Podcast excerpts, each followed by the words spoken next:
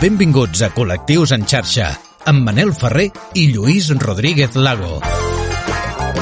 Benvinguts al Col·lectius en xarxa. Avui tornem a dedicar el programa a la música, en aquest cas un gènere musical, un concepte que comença a arrelar a la nostra societat i sobretot entre la gent jove, però que encara no està del tot estès i a vegades eh, pot portar a confusió, oi que sí, Lluís? Sí, Manel, perquè la copla i les copleres han acompanyat a generacions passades de dones i homes que han cantat a l'amor prohibit i a les passions més profundes, però també hi ha qui reivindica aquest gènere musical i actua per mantenir-lo viu, al marge d'escàndols a les També. revistes del cor, eh? per la seva qualitat i per com aquest estil ens ajuda a conèixer un passat recent.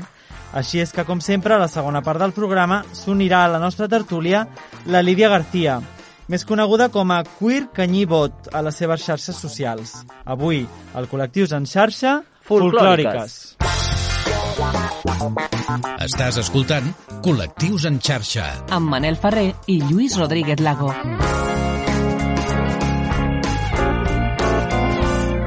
I per si encara no esteu connectats, que podria ser, perquè nosaltres passem d'un tema a un altre cada setmana així anem baixant del satèl·lit, doncs eh, començarem donant algunes dades. Avui parlem de la copla, copla andalusa, cançó espanyola o cançó folclòrica, com vulgueu dir-li, que és un gènere artístic espanyol que combina lletra, música i també una gran part d'interpretació i de show, part. eh? Ara, ara. La copla neix a principis del segle passat, més concretament als anys 20, i té elements que recorden el teatre musical i el cabaret. La copla moderna ha agafat aires del jazz, també en formacions semblan- semblants a les d'aquest estil eh, musical. Uh -huh. Les lletres d'aquest eh, gènere ens parlen de passions humanes, una mica la sangre de mi sangre, no? Sí. això que els corre per les venes, no? De sentiments desbordats, ho veurem, posarem exemples, amor, desengany, la tristesa, alegria dels personatges que es veuen superats per passions que no poden controlar i només són capaços de canalitzar a través de la música. Mhm. Has estat algun cop a algun concert d'alguna folclòrica? Ostres, doncs no, però m'agradaria. És una experiència única, t'ho Sí, recomano, no? sí. Eh, cantar copla requereix un gran control de la projecció de la veu i del vibrat. Les cantants de copla acostumen a tenir una gran tècnica vocal. Generalment es fa ús de l'accent andalús, però no sempre és així. I normalment els cantants i les cantants són acompanyats per orquestres. I això és curiós perquè el franquisme assimila la copla com la música gairebé oficial, Mhm. podríem dir, del règim, i això fa que moltes de les seves lletres i cançons esquivin aquesta censura, no? És a dir, que Exacte. hem de llegir entre línies Eh, per entendre ho el que veurem, ens volen veurem. dir. Mhm. I a vegades amb missatges molt sensuals, inclús picants, eh, et diria jo. I, I del col·lectiu, sí, relacionats també. amb el col·lectiu. Sí, sí. Tot i això, Manuel Quiroga, Ramon Perelló o Rafael de León, que són alguns dels autors i compositors més prolífics d'aquest gènere, van haver de fugir de l'estat espanyol o van passar un temps a la presó per formar part de les files de l'exèrcit republicà. Perquè els pols oposats també s'atreuen. Escolta Col·lectius en xarxa. La copla, al contrari del que puguem pensar tot d'un plegat, és la música sobretot de les veïnes, Mm. però també dels veïns, del davantal i les feines de la llar, de les serventes de les cuines dels senyoritos. Sí? Són aquelles cançons que passaven de boca a orella, de mares a filles i fills, Mm. eh, que com el blues no, de l'Amèrica de finals del segle XIX i principis del segle XX, que neix en els camps d'esclaus negres, la copla també serveix per alleugerir les jornades inacabables de feina i les penes. Uh -huh. I la copla, en paraules de la nostra convidada, que la sentirem d'aquí una estona, la Lídia Garcia, és un repertori d'estratègies femenines per sobreviure a la dictadura, a la pobresa, al patriarcat i al cap i a la fi a una estructura de vida amb unes llibertats molt restringides, n'hem parlat en altres ocasions, uh -huh. tant per les dones en general, però també cap a les persones del col·lectiu LGTBI i que és per on centrarem avui el nostre programa. Exacte. Entre els temes principals de les lletres de la copla tenim la renúncia o la pena femenina, però també, com deies, la de les persones homosexuals, bisexuals o trans, encara que d'una forma més emmascarada en els seus inicis. La copla ens parla de prostitució, com la cançó de la Bien Pagà, Sí. no? De mares solteres, de mans d'homes casats, amb títols que deixen tan poc a la imaginació com Ella o jo o. Lo sabemos los tres. Eh, I també d'amor lèsbic, que en parlarem, i de persones que viuen gairebé al marge de la societat. Anem amb exemples. Exacte. Perquè ràdio aprofitem per escoltar música. I també. tant. Sentim un fragment de la cançó Reina del Pai Pai cantada per Passió Vega que reflecteix molt bé el que acabem de dir i després ho comentem. Molt bé. En la calle del silencio número uno,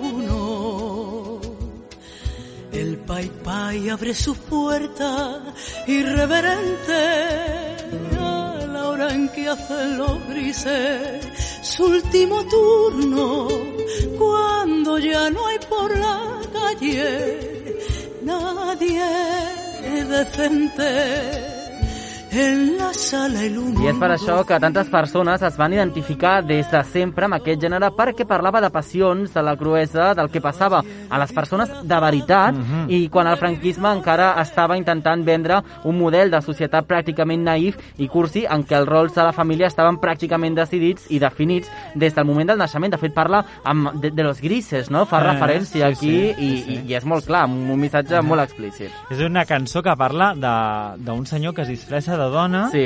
per sortir a, a cantar en un escenari. Mhm. I que esquiva d'alguna manera aquesta Exacte. censura, no? Exacte. Aquests eh, grisos eh, per poder viure amb certa llibertat no? la seva Ahà. condició. Si més no, les nits. Mhm.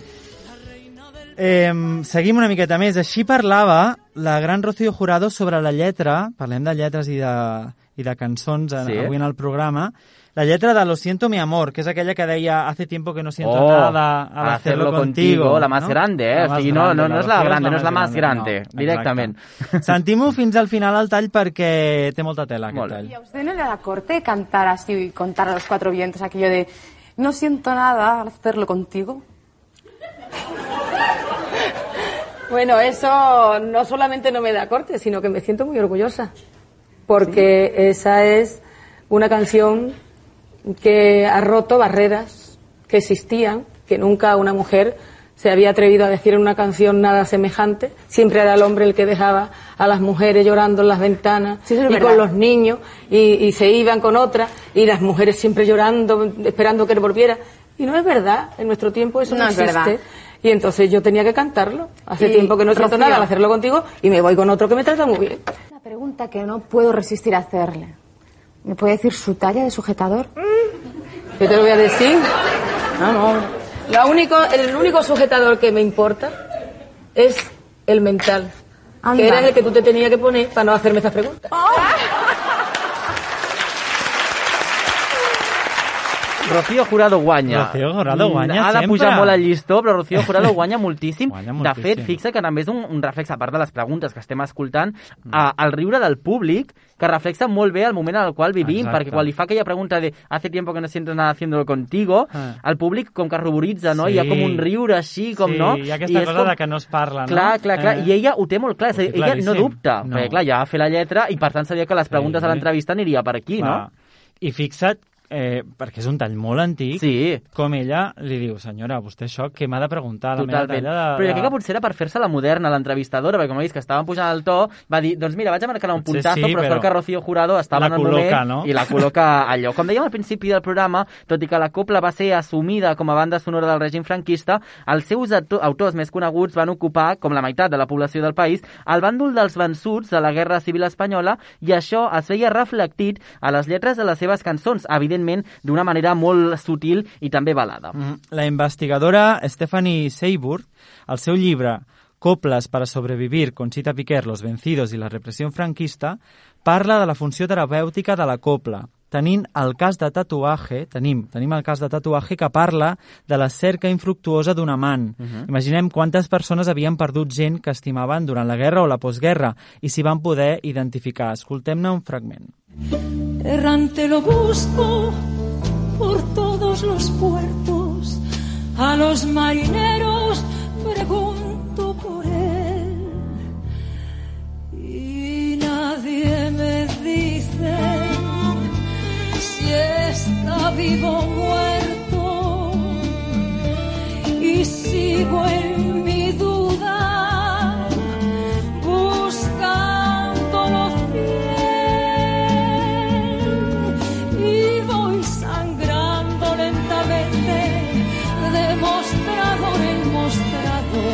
Belén, eh, Lluís, Belén. uh, amb, amb un to tan uh, representatiu Sí. i tan icònic uh, que no canviarà amb el pas del temps, Uh eh? I atenció perquè, ho dèiem al principi, la copla i el lesbianisme han estat molt i molt vinculats. La mateixa Lola Flores eh, deia, quan va ser preguntada pel tema, un vídeo que per cert té un piló de reproduccions Sí. a les xarxes socials, que li preguntaven ¿quién no se ha dado un pipazo con una amiga? Responia Ella ho ella, deia, quan li sí. preguntaven Exacte. per si havia tingut alguna experiència de nou també ruboritzats, no? I ella Eh. deia, ¿quién no se ha dado un pipazo con una amiga? Con I el temps amiga. està demostrant que eh, poqueta broma, eh? Poqueta broma.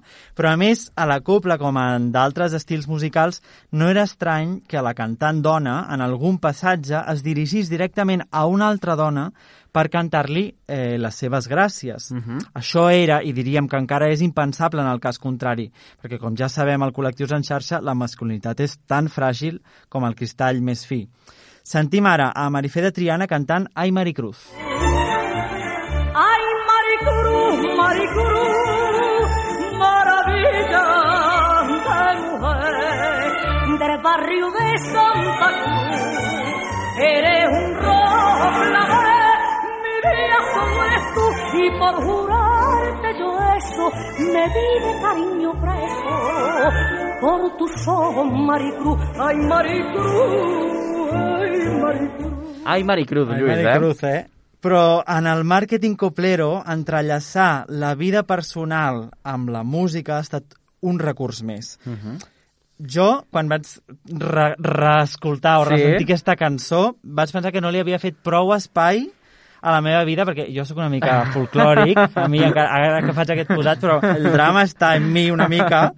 Eh, ara sentirem una, una mica de Hoy quiero confesarme. És que és un temazo, perquè t'anava a dir temazo. que vaig anar al primer concert que va fer Isabel Pantoja quan va sortir de la presó, Imagina't.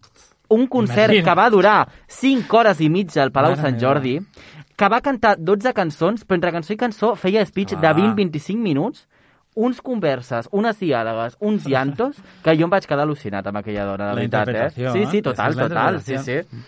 Eh, a- és, aquesta cançó és de Hoy quiero confesarme és aquella que, que diu por si hay una pregunta en el aire, Sí. por si hay alguna duda sobre mí, hoy quiero confesar que estoy enamorada para matar los rumores de aquella esquina. Fixa't. És molt fort, eh? Por si hay una pregunta en el aire, por si hay alguna duda sobre mí. Hoy quiero confesarme, hoy que me sobra tiempo, voy a contarle a todos cómo soy. Hoy quiero confesar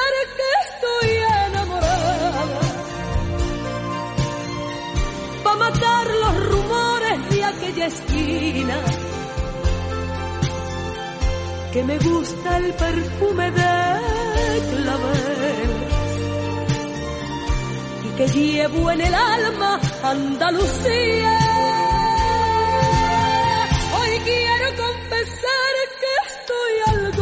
Quina fantasia. És que, de fantasia. fet, el Carles Soler, el nostre company tècnic a l'edició, deia la segunda més grande. No entrarem en aquesta No, discussió val, no. perquè podríem acabar molt tard amb aquest, amb aquest tema, però realment és veritat que Isabel Pantoja és uh, gran part icònica, però te'n recordes que la setmana passada parlàvem del queerbaiting? Sí. Ojito, eh? Ojito, Ojito raó, i en parlarem amb la nostra sí, convidada, sí, perquè em sembla val, que Isabel. Pantoja a Sí, vegades nos una està con miqueta. queso, eh? Va, sí, sí. Però mm, no digui... Jo quan vaig tornar a escoltar Sí. aquesta cançó vaig pensar, ostres, és que hay muchos momentos de mi vida para esta canción. Clar, no, no, és que el bo d'aquestes cançons és que tots ens podem sentir identificats Home, clar, i podem fer-li moltes, sé, moltes jo me la lectures. posaré, vamos. Clar que sí, clar que sí. Les folclòriques, canviem una mica de tema, ens han deixat talls que han passat a la història i avui en portem alguns. Els nostres oients eh, els hi direm que allà on sentin la paraula mariquites, perquè Mhm. això ho tindran, Sí. eh, que la sentiran molt, Ho substitueixin gairebé. Clar, ho substitueixen. Pensin que tenim persones eh, víctimes del seu temps i que segur també nosaltres ho serem eh, en uns anys. Ja en parlàvem, eh, fa una estona abans de començar el programa. Sentim com definia la cançó eh, espanyola Marujita Díaz, la cantant espanyola Marujita Díaz, i com es referia directament al públic homosexual. La canción española es muy de mujer, muy de, de ojos, de mirada, de pasión. Y claro, las mariquitas quieren esa pasión, ser como nosotras. Somos ídolos para ellos, que están sembrados, que tienen mucho arte. A veure, jo tampoc et diria que no té raó del tot. És a dir, ella, amb un discurs molt de l'època i, i, i vivint una situació que, lògicament, ella era molt avançada en el moment en el qual es trobaven, perquè, clar, ara potser aquest discurs ens sona a casposo i antic, antic, no? ens antic. Però marcava una mica la línia del que després acabaria sent, tant, no? Amb tant. alguna confusió, lògicament, el, el, els homosexuals no volen ser Marujita No, Díaz, ni no. Lola Flores, ni Rocío No. Jurado, però jo l'entenc, la puc Sí. acabar entenent. Tu, El tu, tra tu la tradueixes, la no? tradueixo. A, a, ara la puc traduir, clar, ara i- la puc i traduir llavors, ara, i puc comprar-me-la, no? És una mica per aquí la, la sí, idea. exacte. La veritat és que les copleres exhibien una personalitat descocada que xocava molt amb el, mal, amb el masclisme estructural del règim franquista. I és veritat que els maquillatges extremats, els vestuaris carregats, no?, van ser font d'imitació del que abans anomenàvem els transformistes. Uh -huh. Lauren Postigo, en una entrevista a Lola Flores, eh, li feia una pregunta curiosa i li deia com li agradaria que fos la vella del seu enterrament, una pregunta bastant intensa, i ella contestava així. al teatro de mis éxitos, al Teatro Calderón de Madrid. Me pusieran allí en el vestíbulo bastante tiempo para que pasaran los mariquitas, que me quieren mucho, y toda la gente que me, que, que me, vamos, que me quieren mucho y que, que, que son muy admiradores de mi arte, ¿no? Para que me vieran todo el mundo, haciendo una colita y que todo el mundo me viera. Ay, pues mira Lola, qué lástima con lo graciosa que era. Yo sé hasta las cosas que iban a decir. Eh, Tu ets una... T'estic descobrint i ets una mica eh, Lolita realment, perquè tu ja sabies i muntes el drama com ella, que ja s'imagina inclús com serà el Clar, moment del seu home, comiat. home, Meravellosa. sí, tant. Però fixa't com parla, tornant al, al tema, com parla dels mariquites, Sí. o sigui, fa una oda als mariquites, Sí. no? Des d'aquest llenguatge, Però és com un pobrecit, sí. pobrecitos, Ja, no? Però mira com me sí. quieren, no? Sí, Eh, és, és meravellosa, sí, sí. I per últim, una joveníssima Mercedes Milà li preguntava a Rocío Jurado, tornem a la Rocío Jurado, sobre el paper del, del públic homosexual. De la Rocío podríem haver posat també aquell mític tall de Canal Plus, no?, en el que ella deia que era pro-gay. Sí. Però aquest m'ha semblat una mica més curiós. Oye, ¿qué sería de ti, aunque esto parezca una locura, sin esos seguidores que tienen los mariquitas, que tenéis en general las actrices, las cantantes de tu género? Yo creo que a esas personas habría que hacerles un monumento, porque que sin ellos no ibas a sobrevivir. Verdaderamente son muy importantes. ¿Tú no crees eso? Pues yo creo que sí. Yo creo que... ¿Qué les un- debes tú a los mariquitas, Rocío? Hombre, yo deberle, le puedo deber un mundo de ilusión, porque ellos son una raza maravillosa que ha creado odio y respeto como a todas las demás. Y además un mundo que necesita de mucho cariño. Y les debo un mundo de ilusión que ellos crean para el artista. Todo ese mundo maravilloso de la estrella, ellos lo adoran, porque es un refugio para ellos, porque ellos necesitan de ese calor que una en un momento dado le puede brindar. Entonces, como están, aunque ahora no tanto, gracias a Dios, pero han estado muy marginados, entonces eso lo necesitan y es una evasión para ellos. Y nosotras tenemos el deber moral para con los seres humanos que son ellos de darles mucho cariño y mucho sitio. Y se lo voy a dar siempre, siempre voy a estar con ellos. Aquesta experiència que vull explicar es remunta quan jo anava al batxillerat. Seria el meu millor amic del batxillerat, el Noah, que era un noi trans. El Noah va transicionar a l'estiu de primer a segon de batxillerat. Ell va enviar un missatge en el grup de classe i va dir «Ei, nois, a partir d'ara, doncs, si em parléssiu pronoms masculins i em dieu Noah, doncs em sentiria molt més còmode, molt millor i doncs us ho agrairia molt. I tota la classe, doncs òbviament, vam canviar tots el, el nom corresponent de, de, del contacte i a partir d'aquell moment el vam tractar com ell volia amb els pronoms de noi. I no hi va haver-hi mai cap problema, mai, mai, mai cap problema um, contra el meu amic. Diguéssim, de, de que li fessin burles i d'això de, de part, de, de, part de, de persones de la meva edat, diguéssim, de, de companys i companyes de classe. El que sí que va ser molt dur va ser que hi havia una professora, que era la nostra tutora, també era la professora de disseny, que no el parava de tractar de noia, quan ell ja havia parlat amb tots i cada un dels professors i professores que ens feien a nosaltres classes per parlar del tema i presentar-se com, a, com a noi que era no, el Noah. I aquella professora um, no parava de, bueno, de, de, de tractar-li eh, com a dona i ho feia expressament. No era que li estigués costant el, el canvi de ai, perdó, és que encara no m'he adaptat, sinó anava, anava a fer-li mal, diguéssim, sabent-ho, i anava a fer mal eh, molt mal, que inclús eh, tota la classe al final li va donar un toc d'atenció i ella continuava fent-ho. Eh, que a la meva llista posa que ets una noia i que, doncs, que et dius Mar. Quan fèiem grups era un grup mixta perquè ell és un noi i jo i les altres noies som noies. I, ell de, i la nostra professora deia que allò no era pas un grup mixta i no sé, sempre li buscava molt les pessigolles al tema i al final eh, el no en molts casos se'n va anar plorant no, o sigui, li, li afectava molt. Crec que mai va arribar a, a, a parlar-se amb direcció, però és algo si a mi em va afectar com a millor amiga, a ella li va afectar moltíssim més. Segueix-nos a les xarxes. Busca'ns i recupera tots els nostres programes, imatges i vídeos exclusius. Col·lectius en xarxa, a Twitter, Instagram i a les principals plataformes de podcasting.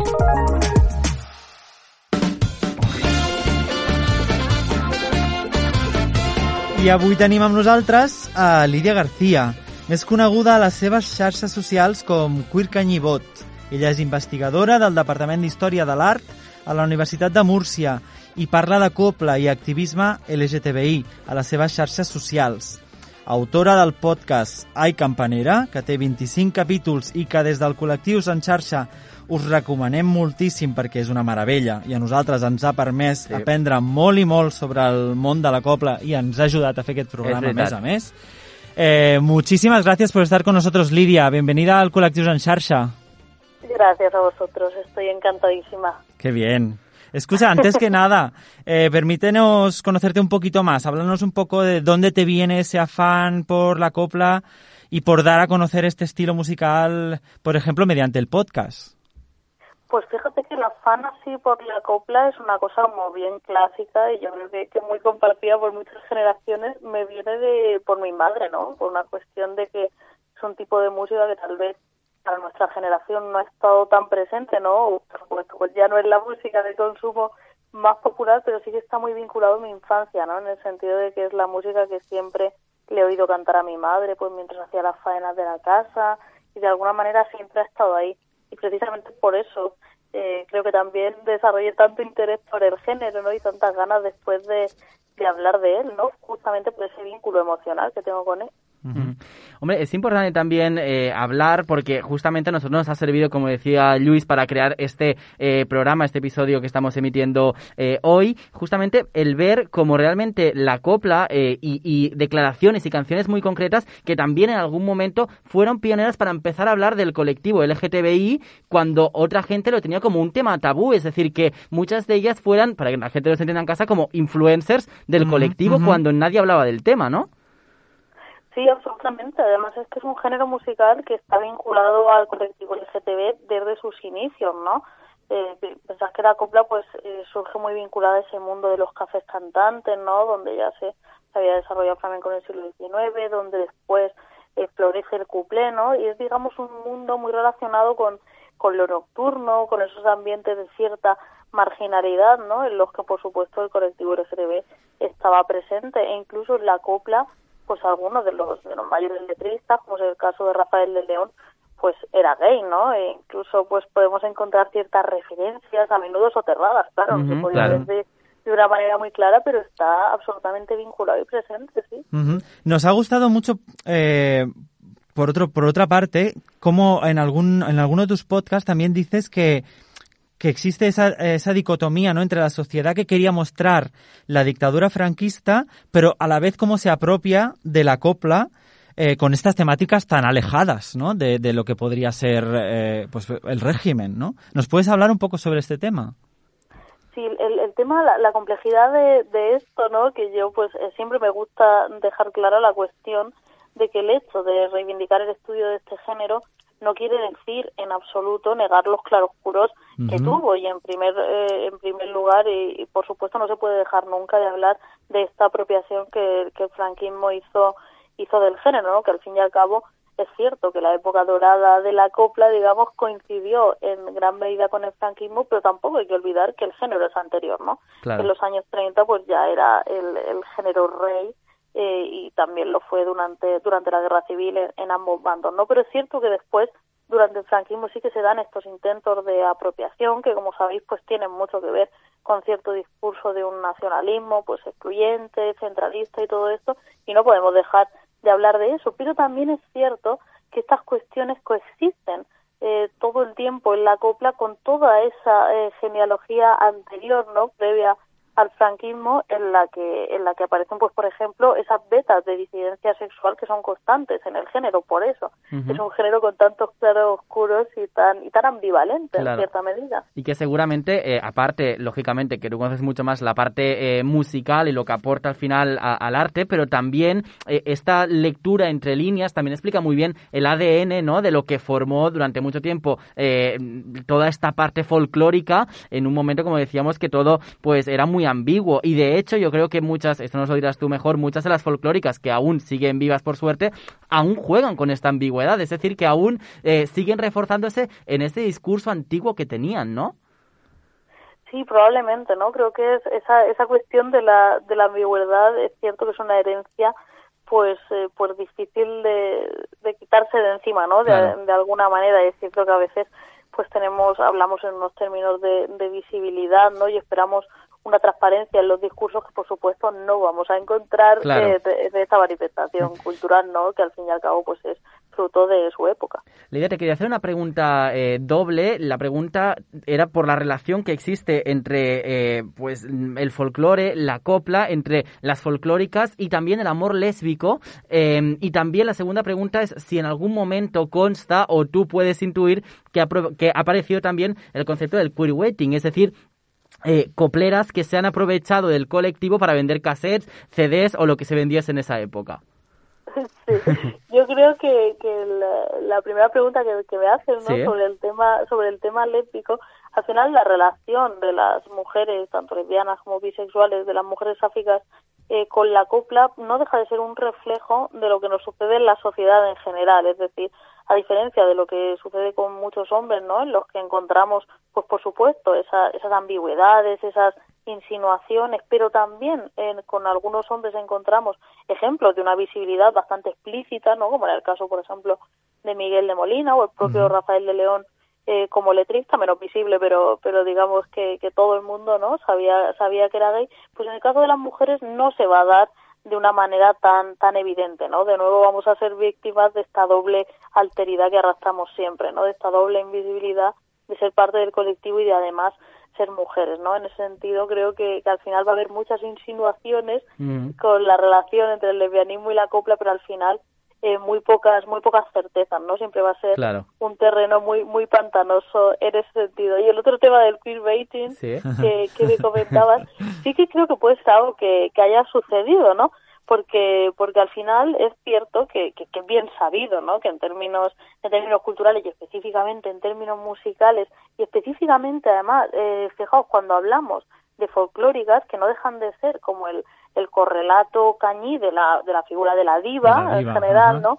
Pues por supuesto la, la relación eh, casi parasocial a la letra, ¿no? Antes de antes de internet esa relación que se establecía entre las folclóricas y sus y su público LGTB, son mis niñas del pelo corto, ¿no? Que decía eh, Rocío Jurado Sí. o los mariquitas que me quieren mucho, que, de- que Ah, decía sí, Lola Flores, sí. por supuesto ya sabían que eran un calavero importantísimo, ¿no? Así que sí que creo que puede haber habido hay cierto, cierto queer rating, ¿no? Eh, recuerdo que, que Carlos Cano decía una cosa divertidísima, él decía que el primer paso del éxito era gustarle a las señoras, pero que el éxito absoluto era cuando le gustabas a los maricas. Ahí sí que habías triunfado de verdad. Pues con, esto, nos quedaremos. Eh, eh, Lidia, gracias y la convidaremos al otro día, Luis, porque donada así, ¿eh? Donada así, para sí. sí. Muchas gracias, Lidia. Gracias. Gràcies a vosaltres. Marxarem amb música, Lluís, nosaltres, per Sí. acabar aquest programa i ho hem de fer, clar, amb una de la més grande, Amb la lògicament. més clar que grande sí. per excel·lència, exacte. Avui marxem amb Rocío Jurado, que canta, i he tingut molts dubtes i fins a l'últim moment no sabia quina posar, Bé. però he posat aquesta. ¿Quién te crees que eres tú? Oh. Val? Amb aquest tema, amb aquesta interpretació tan característica d'aquest gènere i amb aquesta lletra també ens ajuda a definir aquest estil musical. Molt Qui te crees que eres tu? Doncs gràcies a tots per seguir-nos, com sempre, a l'edició tècnica en Carla Soler i en aquesta coedició i copresentació el Lluís Rodríguez Lago i jo, Manel Ferrer, que us parla. Fins la propera setmana. Adeu. Adeu. No pierdas tu tiempo conmigo. Perdón, se me hizo muy tarde. Se ve que no tienes arreglo. ¿Qué te crees tú? ¿Quién te crees tú?